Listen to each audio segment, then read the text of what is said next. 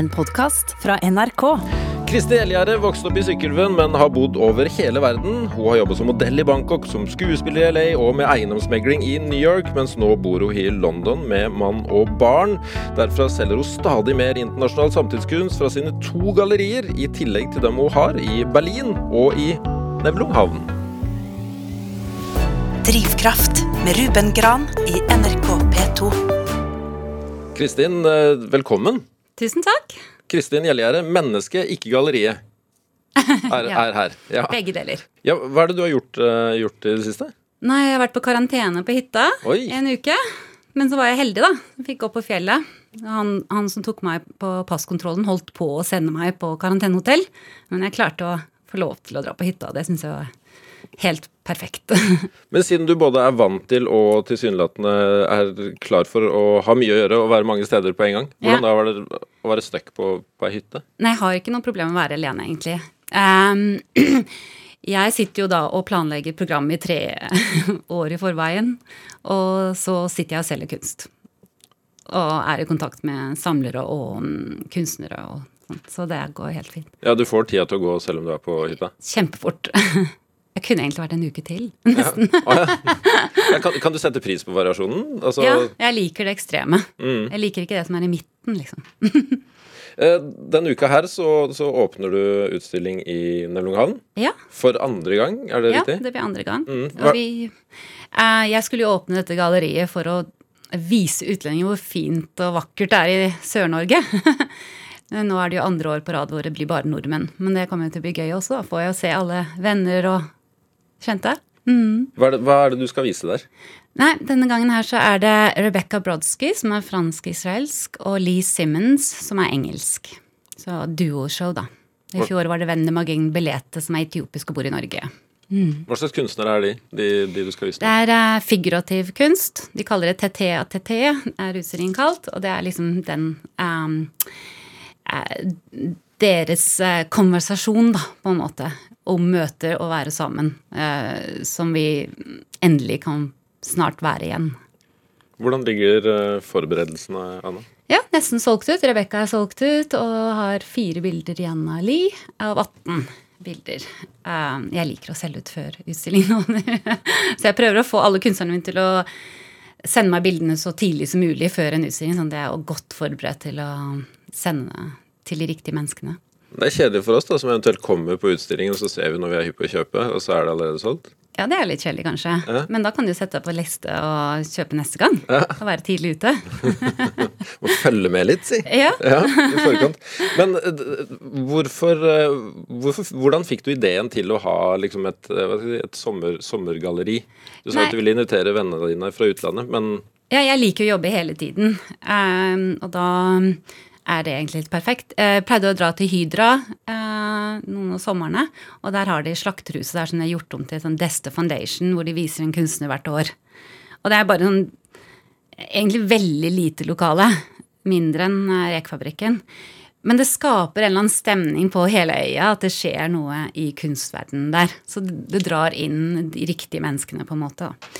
Og så tenkte jeg det kan jo Jeg hadde en journalist i, um, i London som sa at du kan jo bare gjøre det i Norge, liksom. For det, alle de sånne tingene får man jo egentlig ganske mye sånn oppmerksomhet for, og kunstnerne får det, og alt sånn. Så jeg tenkte ja, men da prøver jeg på det. Og så var det en sånn filmscout som hjalp meg med å finne stedet. Og det er helt perfekt. De som driver, eller eier stedet, har vært veldig velkomne. Og, så vi har laget en mer langsiktig avtale nå, da. At vi gjør det hvert år. Og i fjor så kom det jo liksom 100 mennesker om dagen for å titte. Og da syns jeg er, en, er jo egentlig ganske fin suksess. Um, så det er jo det er ikke, Jeg tenker ikke på Nevlunghavn som et sted som, jeg kommer til, som å tjene penger. Det er mer for at jeg har lyst til å gjøre det. Samle folk. Så har middagsselskap på fredag, og så har vi en liten fest på lørdag. Men hva er det som gjør en, en tidligere rekefabrikk i Nevlunghavn til et egna galleri? Ja, de har renovert det, så er, og så ligger det så veldig fint til. Jeg liker litt sånn Det er jo noen av de eh, maskinene fra eh, den gamle tiden som er fortsatt inn i den fabrikken. Og det skaper jo egentlig bare mer sånn eh, atmosfære, da. Jeg liker veldig godt sånn eh, steder som har eh, personligheter, sånn som f.eks. Vestfossen jeg gjorde Kubatana der. Eh, den afrikanske utstillingen. det er en stor sjarm. Og det skaper jo en helt annen følelse når du går inn et sted at det har, har en historie. Hva, hva skjer på åpningen, da? Nei, på åpningen nå har det jo vært litt vanskelig. vi, vi sitter jo og venter fortsatt på hvor mange vi har lov til å eh, ha der. Så vi har jo invitert veldig få mennesker så far. Men i dag så kan det hende at reglene løste seg litt der i Larvik kommune også. Så da håper vi på det. Så eh, vi har eh, Vi skal ut på båttur på lørdagen på morgenen. Vi har middagsselskap på, på fredagen, og så skal vi ha båttur om morgenen. Og så skal vi ha får vi rodd over fiskeburgers, og så skal vi ha Jonas Alaska til å synge på kvelden. Så det blir gøy. Stas. Ja. Ja, jeg kommer, ass. Ja, det er bra. Men du, du driver jo flere gallerier, eh, hvor, og de, de er åpne hele året. Ja, Ja. hele tiden Ja. utenom jula. Mm. Eh, hvordan Jeg vet ikke om du lurer litt på hvordan liksom man setter opp en utstilling. Hvordan konkret jobber du, jobber du med, å, med en ny utstilling? Ja, så jeg um, er i konstant kontakt med kunstnerne mine fram mot hver eneste utstilling. Jeg, jeg planlegger ett til to år i forveien. Eh, og hvis kunstneren har en tittel og alt sånt klar seks måneder før, jeg presser veldig på det, da vet jeg at de har funnet den røde tråden som kan lage en veldig flott utstilling. Og så følger jeg med hele tiden. Ja, hva er det du skaper og sånn. Og så, så da, da er jeg veldig da, Det skaper faktisk mindre arbeid at du gjør forarbeidet på den måten, eller at du har det samarbeidet, da. Og så elsker jeg å henge en utstilling. Det er liksom min kreative dag. Å finne ut hvordan ting henger sammen og sånn. Så hadde jeg akkurat en sånn utstilling med ni kunstnere nå. Med abstrakt kunst. Jeg var jo ganske nervøs på hvordan det skulle alt passe sammen, det, men det ble liksom en symfoni. Eh, Jeg er veldig stolt av hvordan det så ut. da. Det Ja, For da er det, er det du som komponerer Ja. den symfonien, da? Så nå for eksempel når det, det har vært covid og jeg ikke har kunnet reise til Berlin, så sitter jeg på Zoom og så bare forteller da eh, hvordan de skal henge. Og, altså det, jeg har jo egentlig hele covid har jo på en måte, eller alt har jo egentlig gitt meg litt sånn frihet til at jeg kanskje ikke trenger å være på hver eneste åpning. Eh, Jeg kan jo delegere mye mer, lære hvordan jeg delegerer, for det er så mye som kommer til å skje. for nå nå når vi starter opp igjen fullt, så begynner jo alle messene. Og jeg gjør ganske mange messer. Jeg skal gjøre Singapore, Miami, København. Ikke sant? Så, så, så da skulle jeg i tillegg gjøre ti utstillinger i Berlin og 20 utstillinger i landet. Vi gjorde jo 26 utstillinger i fjor. Under covid. Som kanskje ikke alle var like mye Fikk besøk, da. Men jeg tenkte alle de andre ga opp. Jeg skal ikke Jeg henger utstillingene, setter opp utstillinger akkurat sånn som vanlig. Tok bilder. Og så solgte jeg førerutstillingen, for i Amerika vet du jo ikke at i England har du ikke lov å være åpent. Og mesteparten av mine samlere er jo i Amerika. 80% av salget nesten går til USA. Så da er det jo totalt eh, bare å sette i gang med momentum. Og og da har det gått akkurat Da har jeg faktisk solgt ut nesten halvparten av utstillingene, fordi at eh, andre ikke har gjort det. Har gjort bare sånn virtual tours og sånn. Og det, det er ikke det samme. Det, det høres ut som det går, eh, går veldig bra, dette her. Ja, det går veldig bra. Men sånn som du, da du starta, hva er de største utfordringene ved, ved å åpne et galleri? Nei, det var helt forferdelig. Jeg, startet, jeg vil ikke anbefale, egentlig. Jeg hadde mm, De første fire årene så ante jeg ikke hvem jeg skulle selge til. Jeg tror jeg lå under bordet og gråt, jeg. Visste ikke hvordan jeg skulle klare å betale for barna sin skole. Jeg følte at jeg ruinerte alle rundt meg. Jeg ba på knærne for å få kjøpe kunst hos meg. Um, og når jeg først begynte å betale meg selv lønning, det var år fem, liksom, og da var det 500 pund i måneden. Så det var det en lang, eh, lang reise. Så jeg skjønner godt at mange gir opp, liksom. Men jeg følte at jeg hadde ikke noe annet valg. Det var det jeg, var, eh, det, var det jeg skulle gjøre. Hva var det som gjorde at det løsna? Eh, bare det å dra i hver eneste rød tråd og bygge en eh, trust um, i, i blant alle mine samlere. De ser at jeg har bygd opp kunstnerne, da. Og begynt å få dem inn i museumer og store samlinger og ja, Og at eh, ingen av kunstnerne har reist fra meg, nesten, liksom. Eller har liksom Jeg har en veldig god trygghet med en, Jeg har skapt en familie, da, i galleriet. Så alle mine kunstnere er jo gode venner. eh, og er liksom veldig supportive til hverandre. Jeg har vært veldig obs på at det ikke skal være konkurranse. Det skal være noe vi alle, vi alle vokser sammen. Så de kaller meg for La Mamma.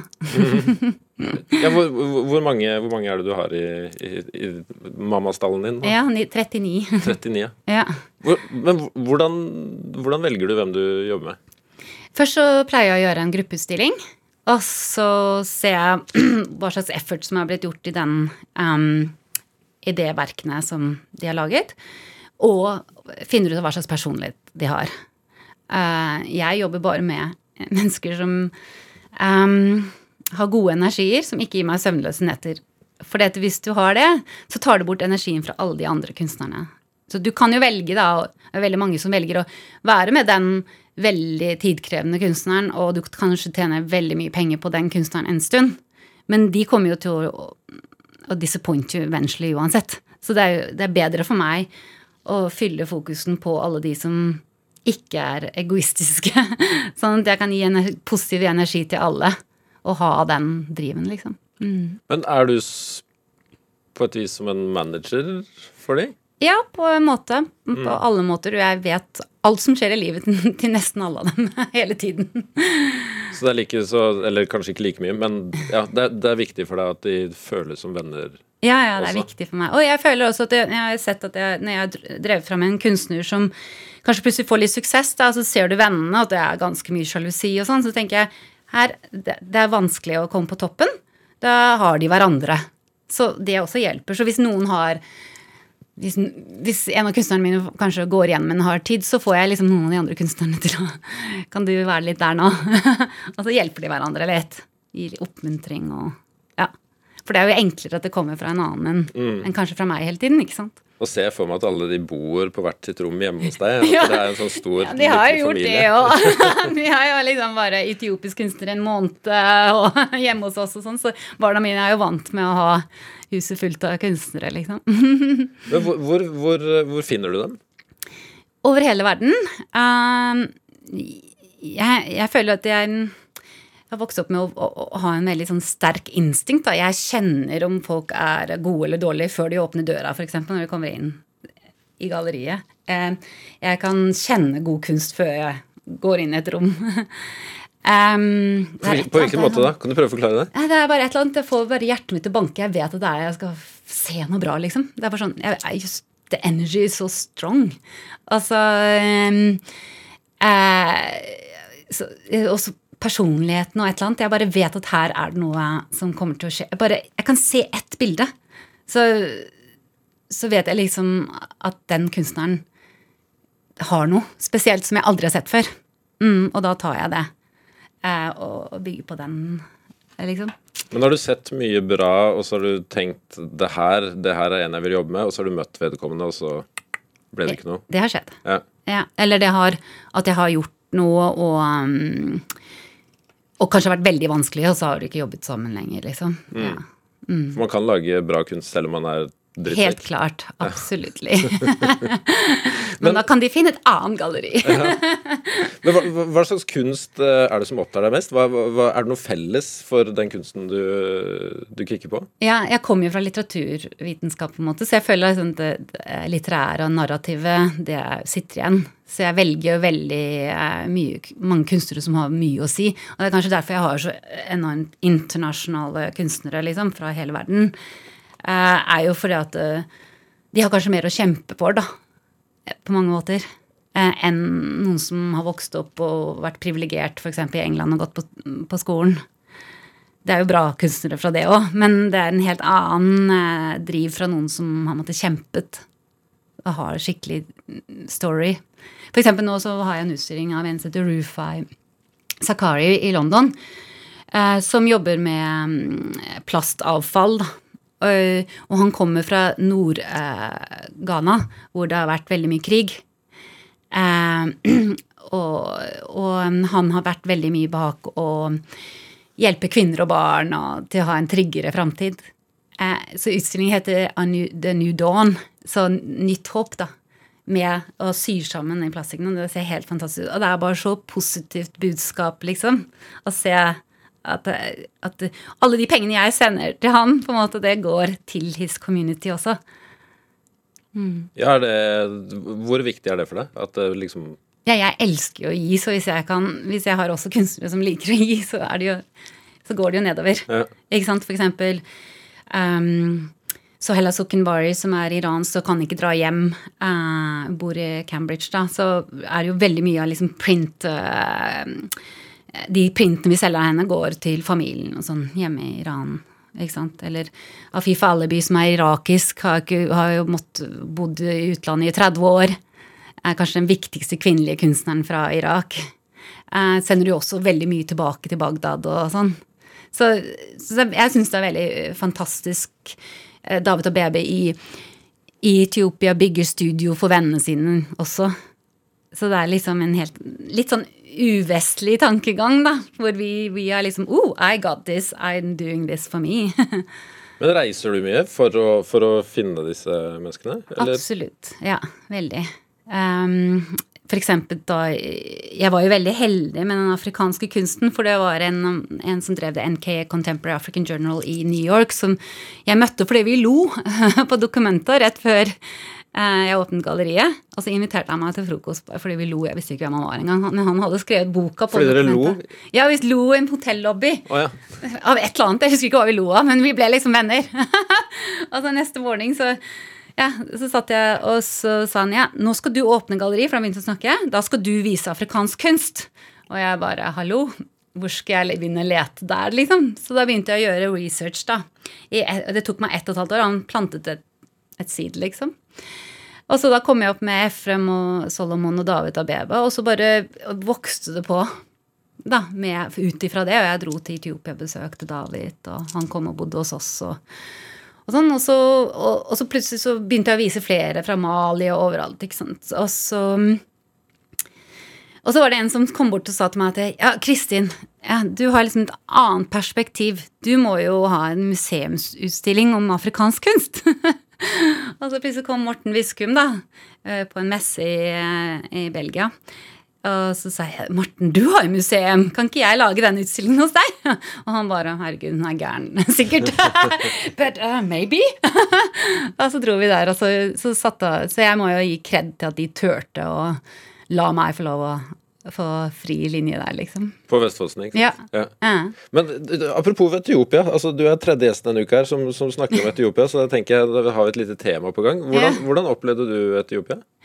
Nei, det var jo um, egentlig sånn når jeg kom til Etiopia, jeg hadde med meg en venninne på den turen, eh, så uh, hadde vi en sjåfør.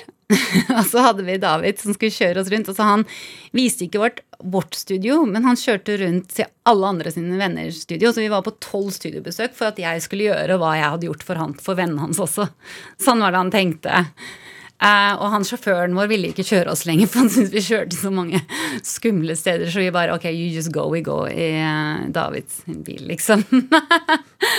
så det var sånn vi begynte. Men det er jo utrolig fine mennesker.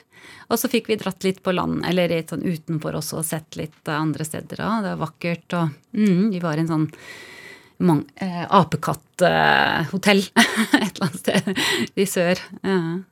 Så, mm. Men du har jo du har en del eh, norske kunstnere i stallen din nå. Ja, det har jeg. Sverre Malling, Vibeke Slingstad, Martine Poppe og Audun Alvestad. Er det viktig for deg eh, som, eh, som norskfødt å, å ha Ja, selvfølgelig. Jeg begynte jo første utstilling med nordmenn eh, for å gå tilbake til røttene, på en måte. Um, eh, jeg, jeg, jeg er alltid litt, sånn litt redd for å ha for mye med nordmenn å gjøre. litt redd den jenteloven og sånn. Um, så det tar jo tatt litt tid før folk vet hvem jeg er hjemme i Norge. Jeg har liksom ikke Jeg har vært litt sånn diskré. Eh, men eh, jeg er veldig de, skal jo ha eh, de, Flesteparten av dem skal jo ha soloshow i år på et av galleriene. Og Sverre hadde jo en veldig suksessfull soloshow i januar. Så skal han være med på Enter Art Fair også nå, da. Du har jo også et galleri i, i Berlin. Ja. Eh, hvem er det som driver det? Søsteren min. Søsteren. Halvsøsteren min. Ja, og dere har ikke alltid kjent hverandre? Nei, jeg visste ikke om henne før jeg var 25 år. Så og hun drev jo egentlig med Lufthansa og American Express og sånn. eh, Og flytta dit til Berlin, og hun bare 'Jeg vil jobbe, jeg vil jobbe med deg på galleriet ditt'. Og jeg og tenkte å, jeg har ikke lyst til at jeg skal ødelegge familien hennes også. For det var litt en stund siden, da. Så jeg bare jeg er ikke så sikker på det, liksom. Eh, men hun har gitt eh, totalt full energi, og det går kjempebra. Så vi har jo blitt veldig mye mer nærme, da. Så nå sier jeg bare at åh, pappa, kunne han ikke hatt et barn til i New York? Men det høres jo ut det, det høres jo ut som i hvert fall en nydelig historie. da, Møte en eh, søster man ikke visste om som, Ja. som voksen, og attpåtil jobbe sammen. Ja, det er eh, helt perfekt, for da har du noen du kan stole 100 på. Hvordan, hvordan var det å møte henne første gangen? da? Jo, da mm, Første gang vi skulle møtes, var det en venninne av meg som skulle gjøre en sånn fotoshoot. Så skulle vi late som at hun skulle være datteren min på den fotoshooten. så kommer hun, og så er hun mer voksen enn meg, selv om hun er ni år yngre. så egentlig var det litt eh, Ja, det, det, var, det var gøy. Um, tror det var, um, det var en viss periode jeg bodde i LA, og hun kom og var der, og da var det litt vanskelig, for dette å gå igjen var eh, barndommen og litt sånne ting, da. Du og familien din bor i, i London nå. Ja. Eh, hvorfor, hvorfor har dere valgt å bosette dere der? Ja, så vi fikk jo barn Vi møttes i New York eh, og fikk begge gutta våre der. Ehm, og Michael jobber for Norman Foster. Så egentlig så han, Når jeg møtte han, så lagde han, eh, jobbet han på The Hearst Tower og Angel Spell, uh, Gallery. Og så um, eh, var det veldig mye om kunstplassering og sånn på de, med det han jobbet med. Så vi snakket veldig mye om at ja, vi skal lage livet vårt om kunst, da. Eh, normen var litt sånn at eh, Michael fikk litt mye oppmerksomhet, og så sendte de oss til eh, London. Så tenkte vi at ja, vi tar pakka, og så flytter vi til Berlin eller sånn. egentlig. Så jeg trodde ikke vi skulle bo der mer enn seks måneder. Men egentlig, når du har en tysk mann, så er det bare, bra å være på nøytral grunn i London. Hvordan, hvordan bor dere der, da? Nei, vi bor i en eh, leilighet på åttende etasje med en ganske sånn flott utsikt sørover. I, i Wandsworth heter det. Så det, jeg åpnet jo galleriet like ved hvor jeg bor, sånn at jeg kunne være 24 timers tilgjengelig for barna mine også. Så, siden vi ikke har noen familie rundt der og sånn. Ja. Hva har dere på veggene hjemme? Eh, alle kunstnerne mine. Nesten. Ja. Ja, blir, blir det som et galleri eh, hjemme òg? Ja, ja, ja. Helt klart. Ja, jeg, jeg, de, vi skifter hele tiden, for nå har jeg jo jeg også en samling på 78 kunstverk, liksom. Jeg kjøper jo alle. alle. Jeg, men jeg har også kjøpt andre kunstnere, sånn som nå har jeg en som jeg bytta meg til, som kanskje jeg kan få 60 000 på auction for, liksom. På 2000, som jeg har kjøpt for 2000. Så jeg driver og tenker Christies vil gjerne ha det, så jeg bare Skal jeg signere, eller skal jeg ikke? Men eh, jeg, vet det er et stort eh, spørsmål, dette her, men hva, hva gir kunsten deg? Energi. Uh, en jo livserfaring og um, poetry, på en måte. Man, eh, det som er med kunsten, er at det er jo mange overraskelser, da. Og jeg elsker å bli overrasket. Drivkraft i NRK P2. Og dagens gjest her er gallerist Kristin Gjellegjerde, eh, globetrotteren. eh, Vi bor i London. Ja. Eh, og vi skal komme tilbake til flere av stedene du har vært. Men du har, eh, du har jo i stor grad vokst opp i Sykkylven. ja. Eh, kommer fra en kjent møbelfamilie. Eh, hvordan var det å vokse opp i Sykkylven? Det er vanskelig å svare på, det var ikke noe enkelt. Um, jeg syns um, jeg, jeg har blacket ut ganske mye av barndommen, egentlig. Og var en veldig ensomt barn på mange måter. Jeg var, jeg var jo Jeg rømte jo hjemmefra fra jeg klarte å stå på beina. Så, eh, og var ute på utforskning hele tiden. Så jeg var nok ikke noe enkeltbarn heller. Eh, og jeg, jeg, tenker, jeg har tenkt veldig mye på det den siste uken om uh, hvordan det er eh, fordi Siden pappa var da sjef på Gjellegjerdet, så var det jo veldig mange foreldre og sånn som jobbet der. Um, så det ble veldig mye mobbing. Nå var jo ikke min far noen som tok ut så mye mer penger enn noen andre. Det var ikke akkurat at vi var rike, men det var liksom lærere som puttet alle i klassen på én side, og så meg på én side, så fikk jeg en halv bolle, og fikk alle andre én bolle. Så skulle jeg få se hvordan det var å være meg. Oi. Så jeg rømte jo fra skolen hele tiden. Eh, sånn som når moren min var borte og jeg bodde hos faren min, så var jo han mye ute og reise, og jeg reiste fra skolen. Um, og en gang så sendte læreren alle guttene i klassen for å hente meg. Så de omringet av huset til mor, bestemoren min for å hente meg tilbake. Jeg tenker på det, herregud, så traumatisk. Det kunne jo aldri skjedd nå. Nei, jeg håper ikke det. Nei.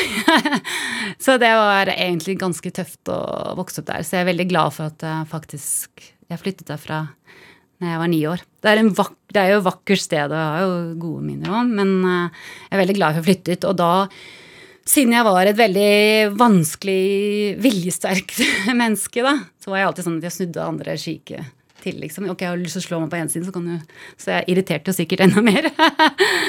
Eh, så når jeg da flyttet til Minnesund, som ikke akkurat er verdens navle heller så fikk jeg faktisk en lærer som trodde på meg 100 Hun eh, døde 100 år nå, og vi har fortsatt hatt kontakt hele veien. Og hun sier også at kanskje jeg var det mest vanskeligste barnet hun noen gang har hatt som lærer, da. Men vi har holdt kontakten Hun trodde på meg, liksom. Hun visste, eller liksom følte Hun satte meg opp i Lurvet eh, som hovedskuespilleren til alle skolene rundt, og kjørte teatersjukker, og vi besøkte henne og sånn. Så det var liksom en menneske som hvor, hvor, mye lærere kan egentlig tilføre barn, kan jo være den ene veien og den andre veien. Men man kan jo faktisk eh, gjøre noe helt fantastisk for et barn hvis du, du tror på et som kanskje ikke så veldig mange andre tror på.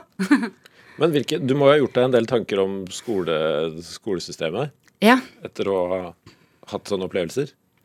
Ja, jeg tror kanskje øh, Jeg tenker jo litt øh, Barna mine elsker å gå på skolen. Eller elsker og elsker, men de er veldig sånn det er, det er, jo veldig akademisk på den skolen de går, og de har jo vært her og prøvd skolene her. Eh, vært med og dag og sånn, og de syns jo da kanskje ikke det er så stimulerende, virker så stimulerende da, som eh, Jeg, jeg syns jo kanskje at den halve dagen med avte skoletid hadde ikke vært for meg. For jeg hadde ikke klart den der uh, frileken som noen barn kan klare, men andre barn ikke Da, da blir de utafor, liksom. Mm. Hva, hva, var du opptatt av eh, som barn? Hva, hva likte du å drive med? Um, jeg likte å lære. Så første dagen jeg gjorde på skolen, så kom jeg hjem og så sa jeg den skolen har jeg slutta, for der lærer jeg ingenting. så jeg ville, jeg ville, ut i verden og ja, opp, eh, opp, ja finne ting. Lære ting. Se ting. Og så jeg, jeg, pleide å sitte og snakke om business, f.eks. med pappa. Eh, middagsbordet og tegne sofaer. Eller hva jeg kunne gjøre for å eh, Ja. Altså Møblene har fulgt deg hele tiden? Ja, det har det. Og egentlig så har jeg tenkt på liksom, Det er et sånn nytt møbelforum på Facebook som noen inviterte meg til. Så, så har det liksom vært noen sånne kommentarer om at uh, ja, jeg spurte om han hadde tatt kontakt med Perry i forhold til den designeren. Og så tenker jeg det er jo litt likt, for han har jo gitt eh, muligheter til designere. Og så gitt dem en plattform til å vise og, og fremføre de modellene, ikke sant? Perry er faren din? Perry. Ja. Ja. Og det er jo det jeg gjør. Jeg finner jo en kunstner, og så gir jeg dem en plattform og putter alle ressursene mine bak den personen for at det, den skal kunne klare det hvis den jobber hardt nok, liksom. Mm. Men Har du, har du jobba noe med møbler sjøl? Ja da, jeg jobba som eh, møbelselger når jeg studerte på universitetet. Sånn onsdagskvelder og lørdagskvelden, sånn at jeg slapp å ta studielån. Hva har du tatt med deg fra den erfaringen til det du driver med nå, tror du? Nei, jeg vet at jeg er skikkelig flink til å selge. Ja. Men jeg ville selge noe som jeg er super passionate eh, om, da. Mm. Så jeg gjorde jo real estate eh, Jeg flyttet fra LA så, og i New York, på, på West Side. Og da var jeg også solgte jo skikkelig bra, men det var jo ikke noe jeg eh, ville drive resten av livet. Så tenkte jeg ja, nå må jeg finne ut hva kan jeg selge som jeg er skikkelig passionate av? Og da fant jeg jo kunst. Jeg kan jo få lov til å jobbe med kunst. det er noen ganger når det er noe du virkelig liker, så tror du ikke alltid at du har lov til å drive med det. Eh, men litt tilbake til barndommen din. fordi Du har snakka om Minnesund og Sykkylven. Foreldrene dine ble skilt ja. Eh, da du var Hvor gammel var du da? Nei, sånn eh, åtte-ni Jeg tror mamma flytta med brødrene mine sånn da vi var åtte-ni, og så ble jeg et år igjen med pappa. Hvordan mm. opplevde du det? Og at familien ble delt?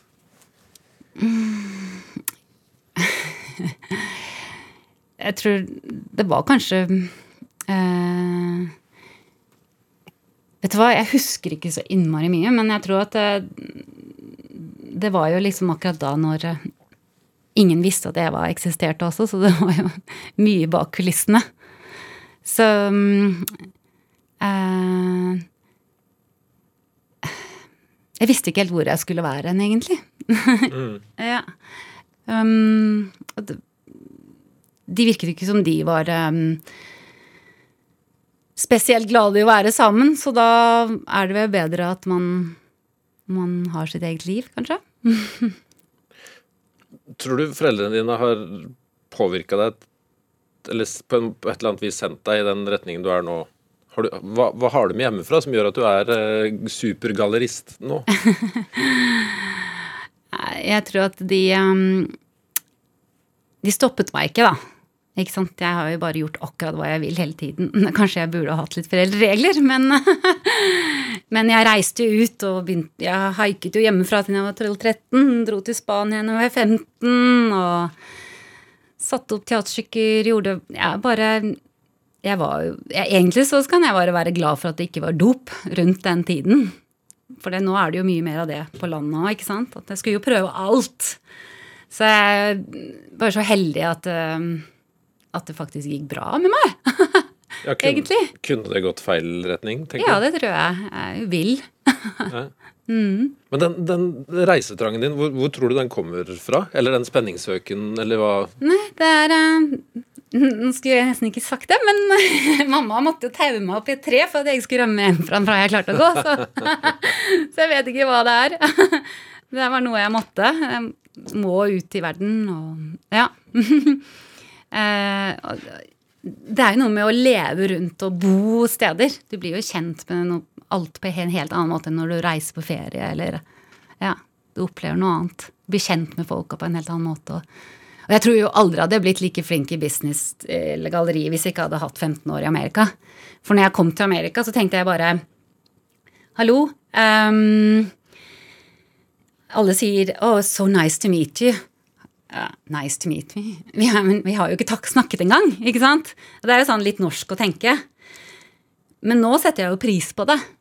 Og, og, og de setter pris på entrepreneurial spirit much faster. Så de kommer jo på galleriet og bare I don't like that, I like that, and I take that. Så er det 20 minutter. Done deal, liksom. det er jo gøy. Men da må du være klar for det. Du kan ikke sitte og skrive masse setninger til en amerikaner. Du må skrive to setninger og så si 'That's why you should buy it', liksom. That's it. Du hører Drivkraft i NRK P2.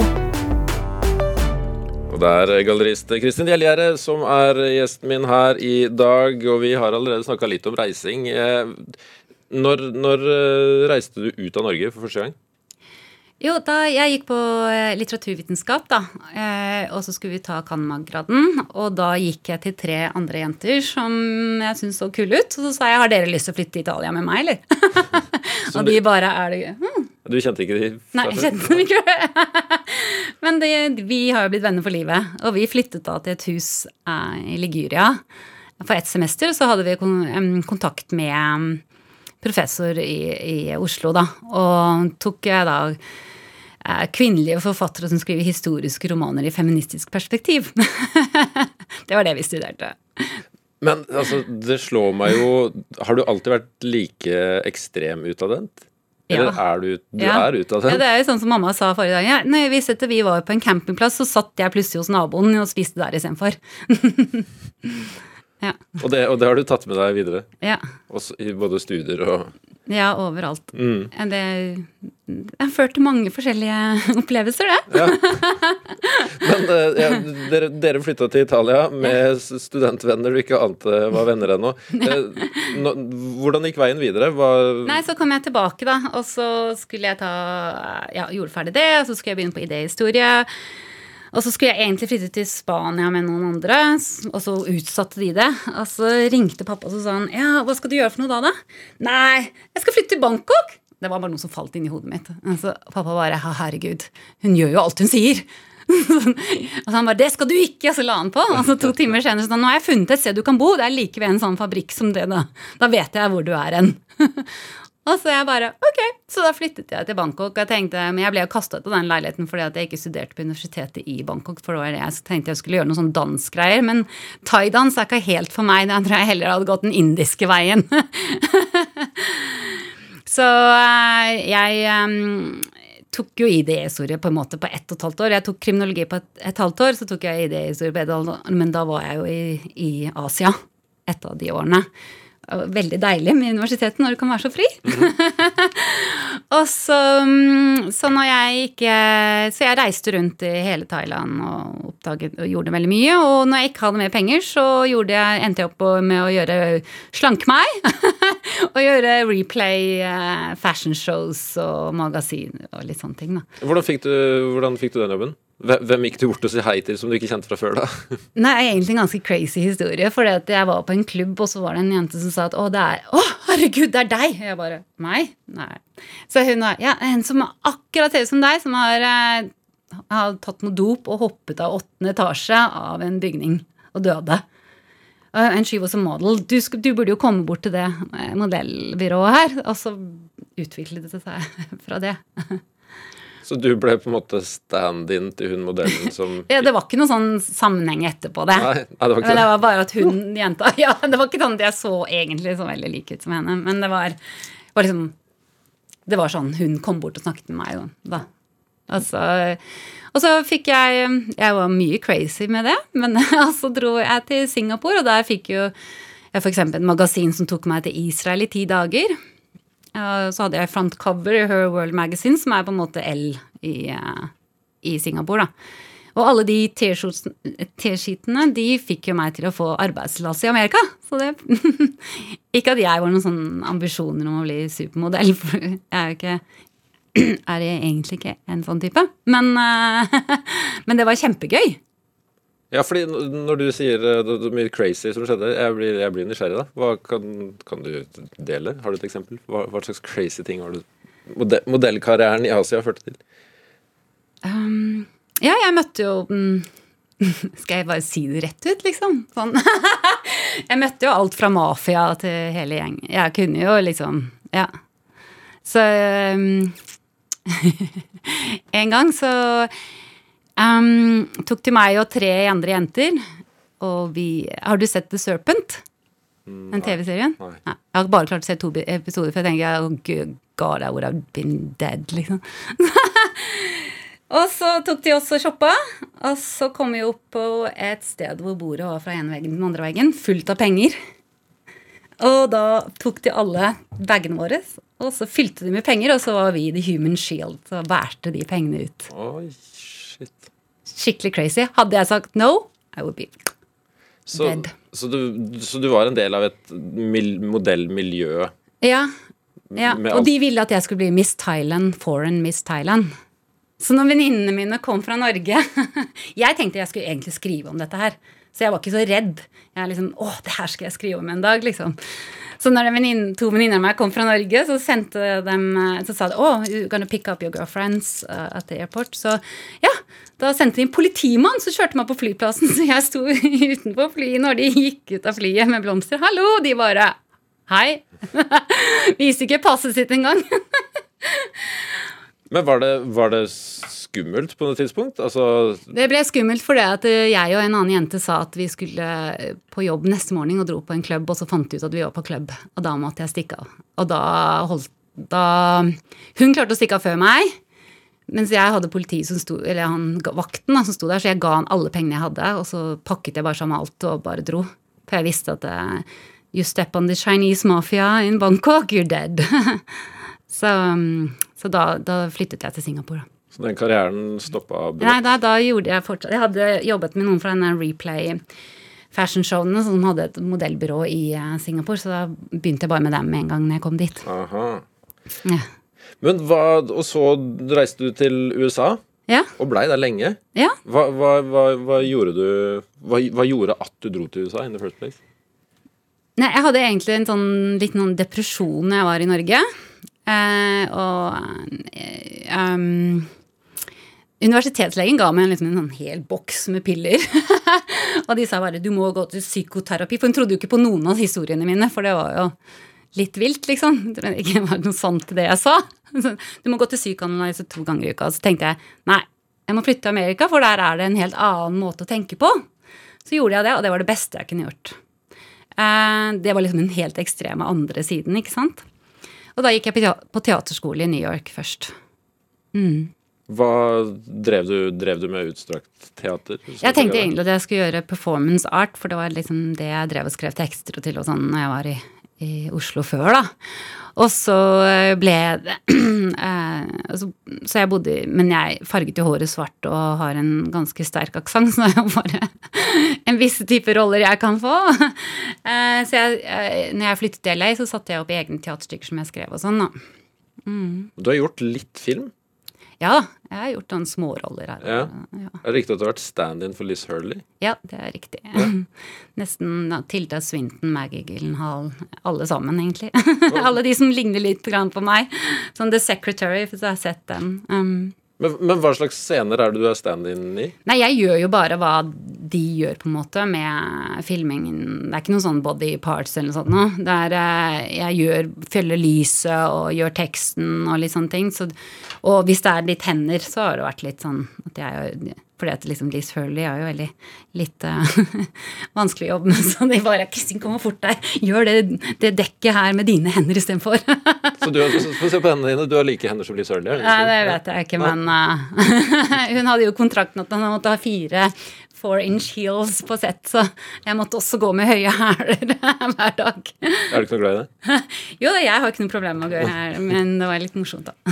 Men, men hvordan starta eiendomsmeglerjobbinga di i New York? Nei, jeg var jo um, gift med en amerikaner uh, i LA, uh, så det var jo veldig mye om musikkbransjen den gangen. Han var jo uh, musikant i, like, i No Doubt. Eh, men når jeg skulle Jeg, ork, jeg hadde ikke lyst til å bo i LA lenger. Jeg følte at jeg Den gangen Nå har det litt forandret seg litt, for nå har det blitt mye kunstsenter, men det var det jo ikke da. var det mer film. And you had to read US Weekly to have a conversation. så jeg tenkte jeg når det er I New York så er det sånn Ja, du kan snakke om bøker, og du, det, er en helt, det er en annen vibe, da. Så jeg vil tilbake til New York. Og da tenkte jeg, hva kan jeg eh, tjene mest penger på å flytte tilbake til New York for? Så, så hadde jeg en eh, venninne som hadde et eiendomsselskap, og hun tenkte vel egentlig å herregud, skal jeg ansette hun derre partydama, liksom?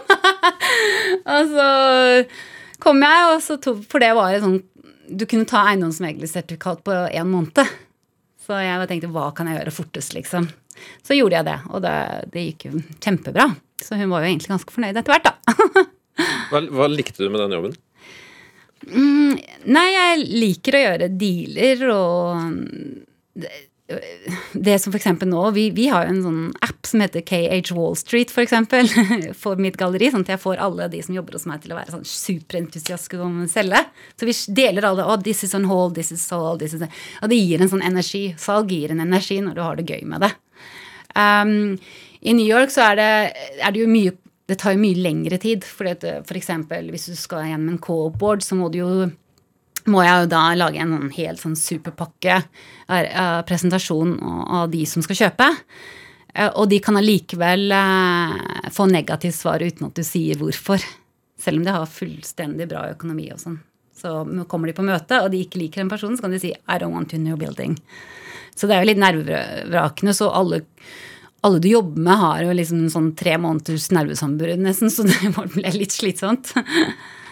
Har, har det vært en viktig erfaring i eh, å ta med seg videre til kunsten? Absolutt. Så, uh, about scoring deals, liksom. Penger og investeringer og Ja. Ja, helt klart. Hva har alle oppholda i alle disse landa rundt i verden gjort med deg som person, tror du? Mm, Been open-minded. Og, føl, og, og jeg, føler alle tingene kommer sammen fordi at eh, jeg har lært så mye om alle nasjonalitetene. Da, og setter pris på eh, hva som er eh, i hvilket land. På en måte. Fra mat til kultur til alt. Men altså, du har, du har bodd rundt omkring i Asia, i Italia, du har drevet med skuespill og modelljobbing. Eh, hvordan, hvordan fant du ut at det var kunsten du skulle dedikere deg til? Eh, nei, ja, Overalt hvor jeg har reist, har jeg alltid gått og, og funnet gallerier eller museer for å finne hva jeg kan se. Men jeg, jeg trodde kanskje ikke at jeg skulle ha Jeg har ikke vokst opp med det. Jeg har jo vokst opp på landet. Liksom, ikke sant? Um, så, så det å kunne få lov til å drive med kunst var jo var egentlig noe jeg, jeg ventet lenge med. på en måte. Så jeg tok eh, art business på New York University. Sånn kveldskurs mens jeg var, hadde barna. Og så tenkte jeg da skal jeg skrive, liksom, skrive en sånn blogg da, eh, for å finne ut av hvor, hvor jeg skulle stille meg selv. Eh, og hva jeg skulle jobbe med. Men jeg visste at jeg ville ha kunst, da. For det ga meg noe Jeg tenkte jeg skulle bli forfatter før det, men jeg har jo ikke disiplin til å sitte så mye alene. Jeg er mye flinkere til å hjelpe alle andre enn meg selv. så uh, Ja, så den um, uh, Når jeg kom til London, da, så tenkte jeg bare Så dro jeg og så også alle utstillingene og skrev litt og sånn. Og så hvis, tenkte jeg, ja, jeg kan jo ikke Jeg er 39 år, skal jeg gå og prøve å få en jobb med noen andre, så må jeg jo begynne fra scratch, liksom. Det er jo ingen som kommer til å egentlig ansette meg uten at jeg har erfaring. Så da tenkte jeg at ja, da starter jeg eget istedenfor. Hva, hva er det første man gjør når man skal uh... Nei, jeg hadde jo da spurt kunstneren om å gjøre en utstilling før jeg hadde space, til og med. Lokale, så jeg ble jo ganske sjuk, for jeg var så nervøs. Eh, og så fikk jeg Og jeg hadde jo ikke noe credit i England, så jeg var jo bare heldig at det var et indisk ektepar som bare så på meg som sånn Ja, du er akkurat som når vi flyttet til England, så we trust you. Så putta de lord Ganesha inn i det stedet, og vi fikset det opp. og brukte all savings for å bruke til å bygge dette galleriet. Og så ja, Lord Ganisha skulle gi meg da good business and life og sånn, da. Så de putta det der. Så de ga meg en sånn trust, da. Det finnes gode folk uh, som er uh, ja, som leier ut, liksom. Funker, jeg var heldig. Funker greit, det. Ja. ja. Hvilke egenskaper er det du har som, som gjør at du er en tilsynelatende ekstremt god selger? Um, utagerende, rask. Um, jeg elsker mennesker, da, egentlig, så jeg blir jo liksom venner med samlerne mine. og ja, Så det blir, et, det blir jo noe mer. Det blir jo også en, jeg sier jo også til en samler når de begynner å kjøpe hos er velkommen til gallerifamilien, liksom. Fordi de alltid kjøper en second time. så for meg er det bare bare få den inn én gang, så kan vi fortsette det samarbeidet. Men hvilken kunst er uh vanskeligst å selge? Det som er enklest, er i hvert fall malerier, for det er veldig enkelt å se fra bilder. Men videokunst er jo vanskeligst. Men nå driver vi og jobber med å lage en NFT, så skal vi se hva det blir til. Hva er en NFT? A Non-fungible token. Det er noe som driver selges nå på auction sånn kjempestort. Og så nå har jeg noen investører i, i, New York som har lyst til å gjøre det med en av kunstnerne mine. Så det blir litt annonsert i Miami til høsten, regner jeg med. Så det blir spennende. Er det litt sånn bitcoin-kunst? Ja. ja. Mm. Jeg skjønner egentlig ikke så veldig godt selv, men jeg tenker at hvis de investerer i de betaler hele produksjonen, så lærer jeg samtidig. Da vet jo jeg hva det er. Ja, for har, har du lyst til det? Å liksom utvide For det, det, er hovedsakelig billedkunst og skulpturer du Ja, nei, jeg sier at det er ikke man skal eh, holde alle sansene åpne for hva som kan skje og fremtiden. Man skal aldri stoppe, liksom. Så derfor så har jeg også startet et secondary business som heter JK Masters, hvor vi gjør eh, secondary market-salg, da. Som, hvor du er en slags videreformidler av ja, kunst? Ja, så for eksempel akkurat nå så driver jeg og hjelper en samler til å kjøpe et basket for 2,7 millioner dollar. og da får jeg 5% da, hvis det går igjennom, f.eks.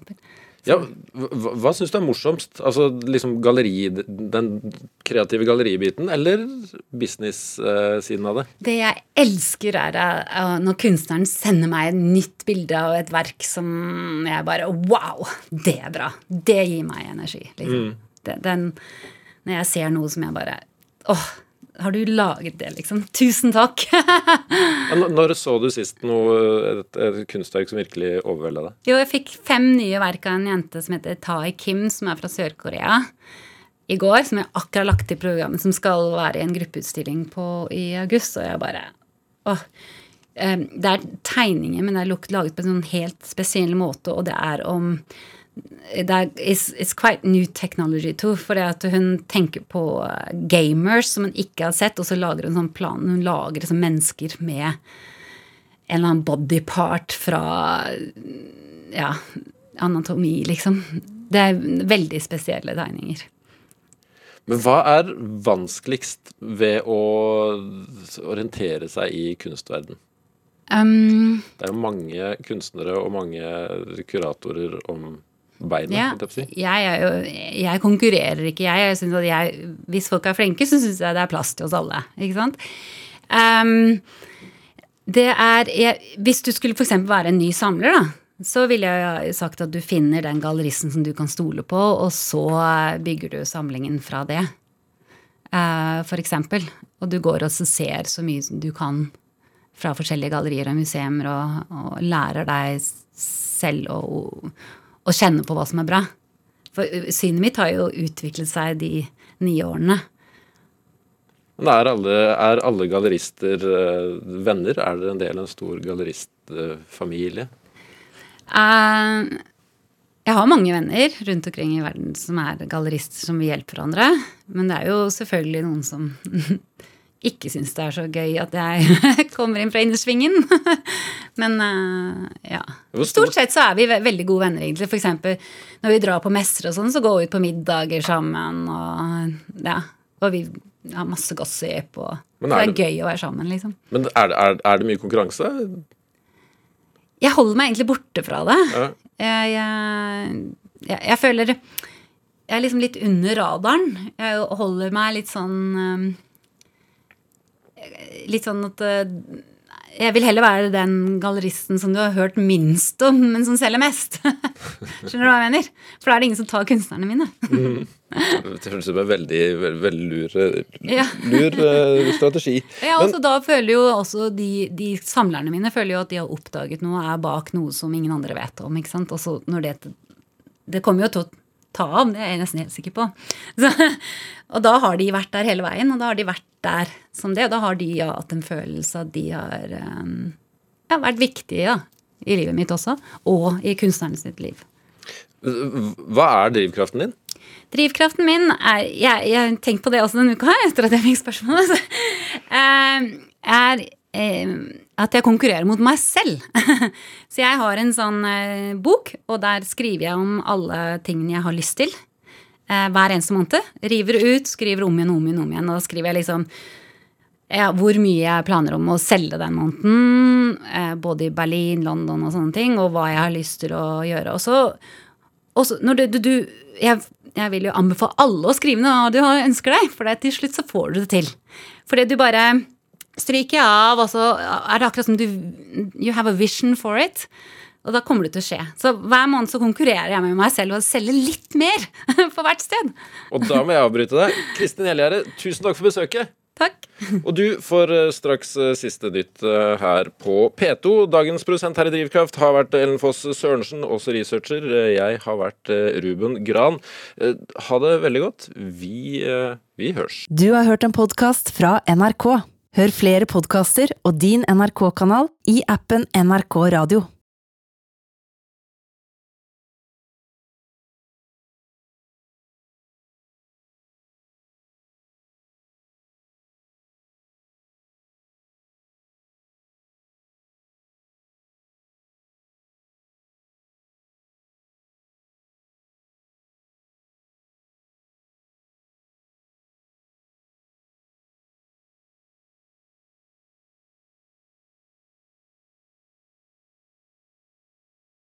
Du har hørt en podkast fra NRK. Hør flere podkaster og din NRK-kanal i appen NRK Radio.